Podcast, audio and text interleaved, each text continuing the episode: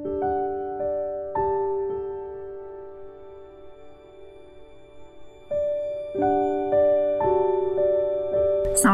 warahmatullahi wabarakatuh. Uh, selamat datang di meja konseling.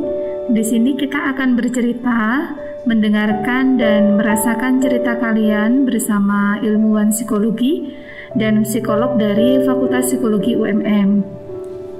Podcast ini mengundang kalian untuk berbagi cerita, keluh kesah, dan gundah gulana untuk kami bahas dan ulas bersama setiap pekannya tetapi jangan khawatir setiap masalah yang kami bahas identitasnya dirahasiakan.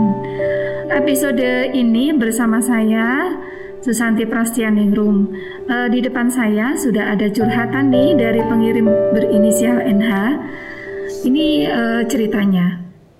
Masuk ke jurusan IPS adalah penyesalan terbesar dalam hidup saya Sejak kecil saya bercita-cita menjadi seorang dokter, namun apalah daya, kondisi perekonomian memaksa saya untuk bersekolah di madrasah aliyah kecil yang berada di dekat rumah uh, saya yang hanya punya jurusan IPS. Selama menempuh pendidikan, rasanya saya ingin segera keluar dan kabur dari tempat itu. Mulai dari mata pelajarannya yang tidak saya sukai, cara gurunya mengajar dan bersikap kepada saya, dan juga lingkungan pertemanan yang toksik dan unsportif. Memang tidak dipungkiri, banyak juga pengalaman dan kejadian berharga yang saya temui di sana. Tapi, entah kenapa ya, semua kejadian buruk seolah membuat kenangan indah itu tidak berarti lagi. Banyak tangisan, perjuangan, dan kesabaran yang telah saya korbankan di sana Apalagi saat melihat teman-teman lain yang bersekolah di sekolah yang bagus, rasanya tak ada lagi kecuali rasa iri yang ada di hati. Melihat kehidupan mereka yang seberuntung itu. Sekarang, cita-cita masa kecil itu pun telah lepas tanpa bisa diperjuangkan. Karena jurusan itu hanya boleh dimasuki oleh anak jurusan IPA. Mungkin merelakan adalah cara terbaik, dan keluar dari lingkungan toksik tersebut adalah pilihan terbaik. Bukankah begitu? Oke, terima kasih NH yang sudah mengirimkan cerita ya. Uh, untuk salah jurusan, jadi bukan salah jurusan ya. Biasanya kalau salah jurusan itu karena uh, apa namanya awalnya itu memilih jurusan itu terus kemudian uh, sebenarnya keinginannya bukan itu. Tapi ini salah jurusan karena memang keadaan yang memaksa NH ini untuk kemudian memilih jurusan IPS padahal sebenarnya inginnya adalah jurusan IPA. Sebenarnya ada banyak sekali yang bisa dilakukan ketika uh, apa namanya siswa ya. Ini sepertinya siswa SMA ketika dia itu salah jurusan karena suatu keadaan yang seperti ini gitu ya. Kalau misalkan uh, kamu gitu ya ingin jurusan IPA gitu tapi di tempatmu itu ternyata tidak ada jurusan IPA, kamu bisa melakukan uh, beberapa aktivitas-aktivitas yang itu berkaitan dengan potensi diri yang itu uh, dimiliki oleh jurusan IPA. Mungkin di sini kamu ingin apa namanya mengambil jurusan IPA karena nantinya akan kuliah yang itu berkaitan dengan jurusan-jurusan IPA yang biasanya itu uh, apa namanya saintifik terus kemudian eksa dan sebagainya. Nah, kamu bisa mengikuti beberapa kegiatan-kegiatan yang uh, apa namanya kegiatan-kegiatan yang non formal yang itu dilak, banyak sekali uh, beredar di apa namanya luar sekolah gitu ya. Kamu bisa mengikuti kegiatan-kegiatan yang uh, apa namanya bisa meningkatkan keterampilanmu uh, di dalam uh, apa namanya nantinya ketika kamu akan memilih kuliah itu di jurusan IPA itu adalah apa namanya salah satu jalan. Tetapi yang perlu diingat ketika kamu nanti juga ternyata harus mengikuti beberapa proses di dalam pemilihan jurusan IPS, belum tentu jurusan IPS itu yang kemudian uh, apa namanya menjadi sesuatu hal yang negatif gitu ya untuk masa depanmu. Mungkin saja di jurusan IPS itu nanti malah kamu bisa menemukan cita-citamu yang bisa kemudian uh, apa namanya membimbingmu untuk kemudian meraih uh, cita-cita di masa depan yang akan datang. Jadi jangan berhat jangan berkecil hati gitu ya.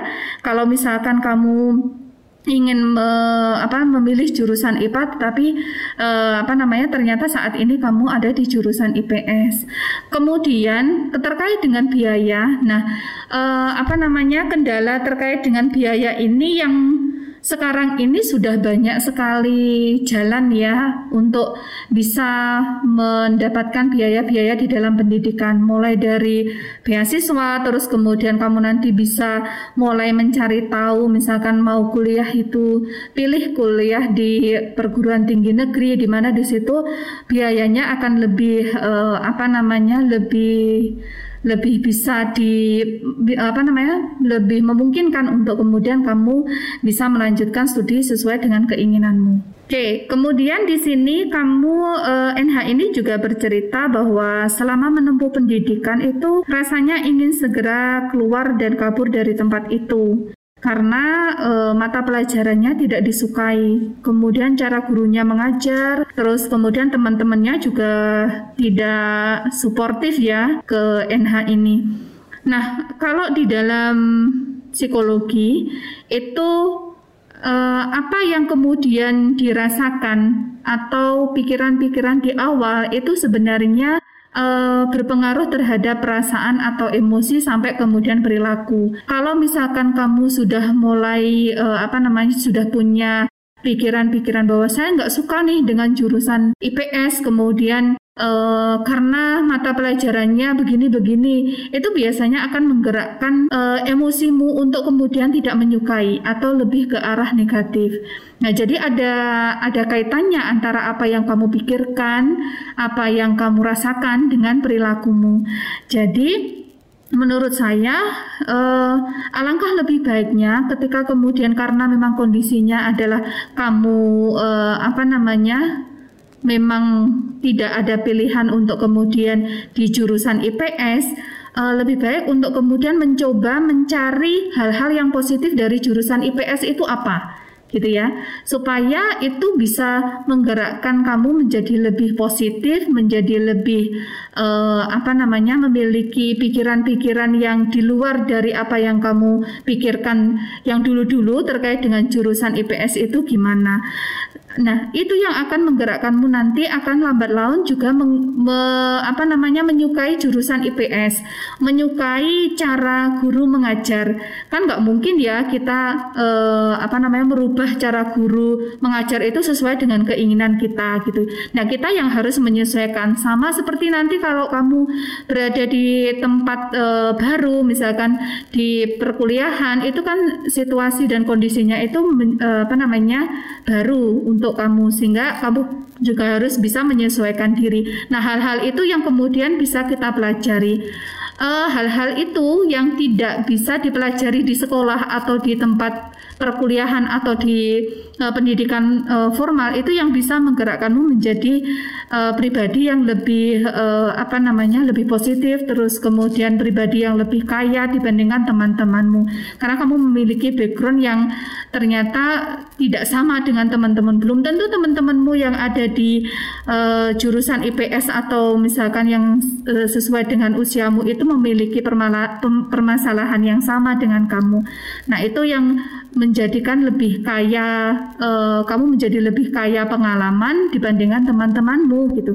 Nah, itu juga yang bisa menggerakkanmu menjadi lebih berhasil di masa depannya nanti. Oke, uh, tadi di ceritanya NH itu juga menyebutkan bahwa uh, dia lingkungan pertemanannya itu toksik dan unsupportive ya. Nah, uh, toksik dan unsupportive-nya itu Uh, sejak kapan? Apakah ketika ini kan kayaknya uh, sudah kelas berapa kelas 3 SMA ya. Jadi apakah uh, teman-temanmu itu dari awal itu memang uh, apa namanya tidak tidak mensupport kamu ataukah itu hanya perasaan-perasaanmu saja yang itu muncul karena memang uh, kamu tidak merasakan uh, engage dengan jurusan IPS gitu ya. Nah, itu yang uh, perlu untuk kemudian kamu uh, pertanyakan lagi apakah memang betul-betul pertemanan yang ada di lingkunganmu itu betul-betul tidak mensupport kamu? Atau itu dari sisi uh, pikiranmu saja bukan kemudian uh, senyatanya itu ternyata bukan teman-temanmu yang tidak support hanya pikiran-pikiranmu saja. Nah itu yang harus uh, kamu lihat lagi. Kemudian uh, kalau di situ ada teman-temanmu ternyata ada yang dia itu bisa sekolah di sekolah yang bagus, kemudian ada perasaan iri dan sebagainya. Nah, perasaan iri dan sebagainya itu uh, apa namanya wajar, wajar dirasakan oleh setiap manusia dan itu memang harus ada rasa iri itu. Tetapi rasa iri itu harus bisa juga digunakan sebagai salah satu motivasi kamu untuk kemudian bisa meraih cita-cita yang uh, kamu inginkan gitu ya. Jadi itu sebagai pelecut untuk kemudian kamu bisa meraih cita-cita tidak hanya sekedar iri yang itu akhirnya menjerumuskanmu ke dalam perilaku-perilaku yang negatif atau kemudian malah menjadi putus asa tetapi iri itu malah menjadi pelecut atau motivasimu. Nah, uh, mungkin saya bisa cerita ya, psikolog-psikolog yang ada di Fakultas Psikologi itu tidak kemudian juga berasal dari dari keluarga yang itu bisa membiayai kuliah.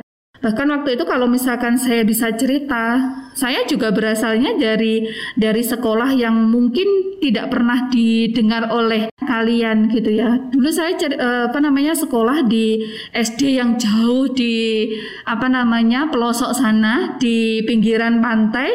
Saya juga nggak tahu uh, apa namanya kota Malang itu seperti apa. Kemudian bagaimana kota Malang itu apa, apa namanya sekolahnya, bentuk SMA-nya itu seperti apa. Nah itu menjadi pelecut saya. Bahkan itu waktu SMP ketika saya masuk di SMP uh, salah satu favorit saya selalu mendapatkan labeling atau bullying dari teman-teman karena uh, apa namanya saya berasal dari Trenggalek. Itu biasanya saya mendapatkan apa namanya ejekan wah anak galek makannya uh, apa namanya tiwul gaplek. Nah nah itu yang menjadi pelecut saya untuk kemudian akhirnya wah saya nggak mau yang seperti itu. Saya harus bisa uh, apa namanya cita-cita saya saya bisa uh, apa namanya sekolah di kota pendidikan saya bisa apa namanya saya bisa kuliah gitu. Nah itu menjadi pelecut saya. Jadi iri itu boleh tetapi iri itu yang kemudian akhirnya bisa diwujudkan dalam bentuk motivasi-motivasi sehingga perilaku perilaku kita itu menjadi perilaku yang penuh semangat untuk kemudian mengejar cita-cita. Oke, saya rasa itu ya uh, apa namanya cerita NH ini betul-betul bisa me, apa namanya membuat kita untuk uh, apa namanya punya punya semangat untuk kemudian meraih cita-cita meskipun di tengah kondisi-kondisi yang itu tidak support untuk kemudian kita bisa meraih cita-cita itu tetapi uh, yakinlah bahwa cita-cita itu tidak akan bisa diraih tanpa ada kerja keras. Oke, terima kasih NH sudah bercerita, sudah berbagi cerita uh, dengan teman-teman uh, sekalian. Oke, uh, karena sudah kita bahas cerita tersebut, saya akhiri ya. Uh, terima kasih sudah mendengarkan.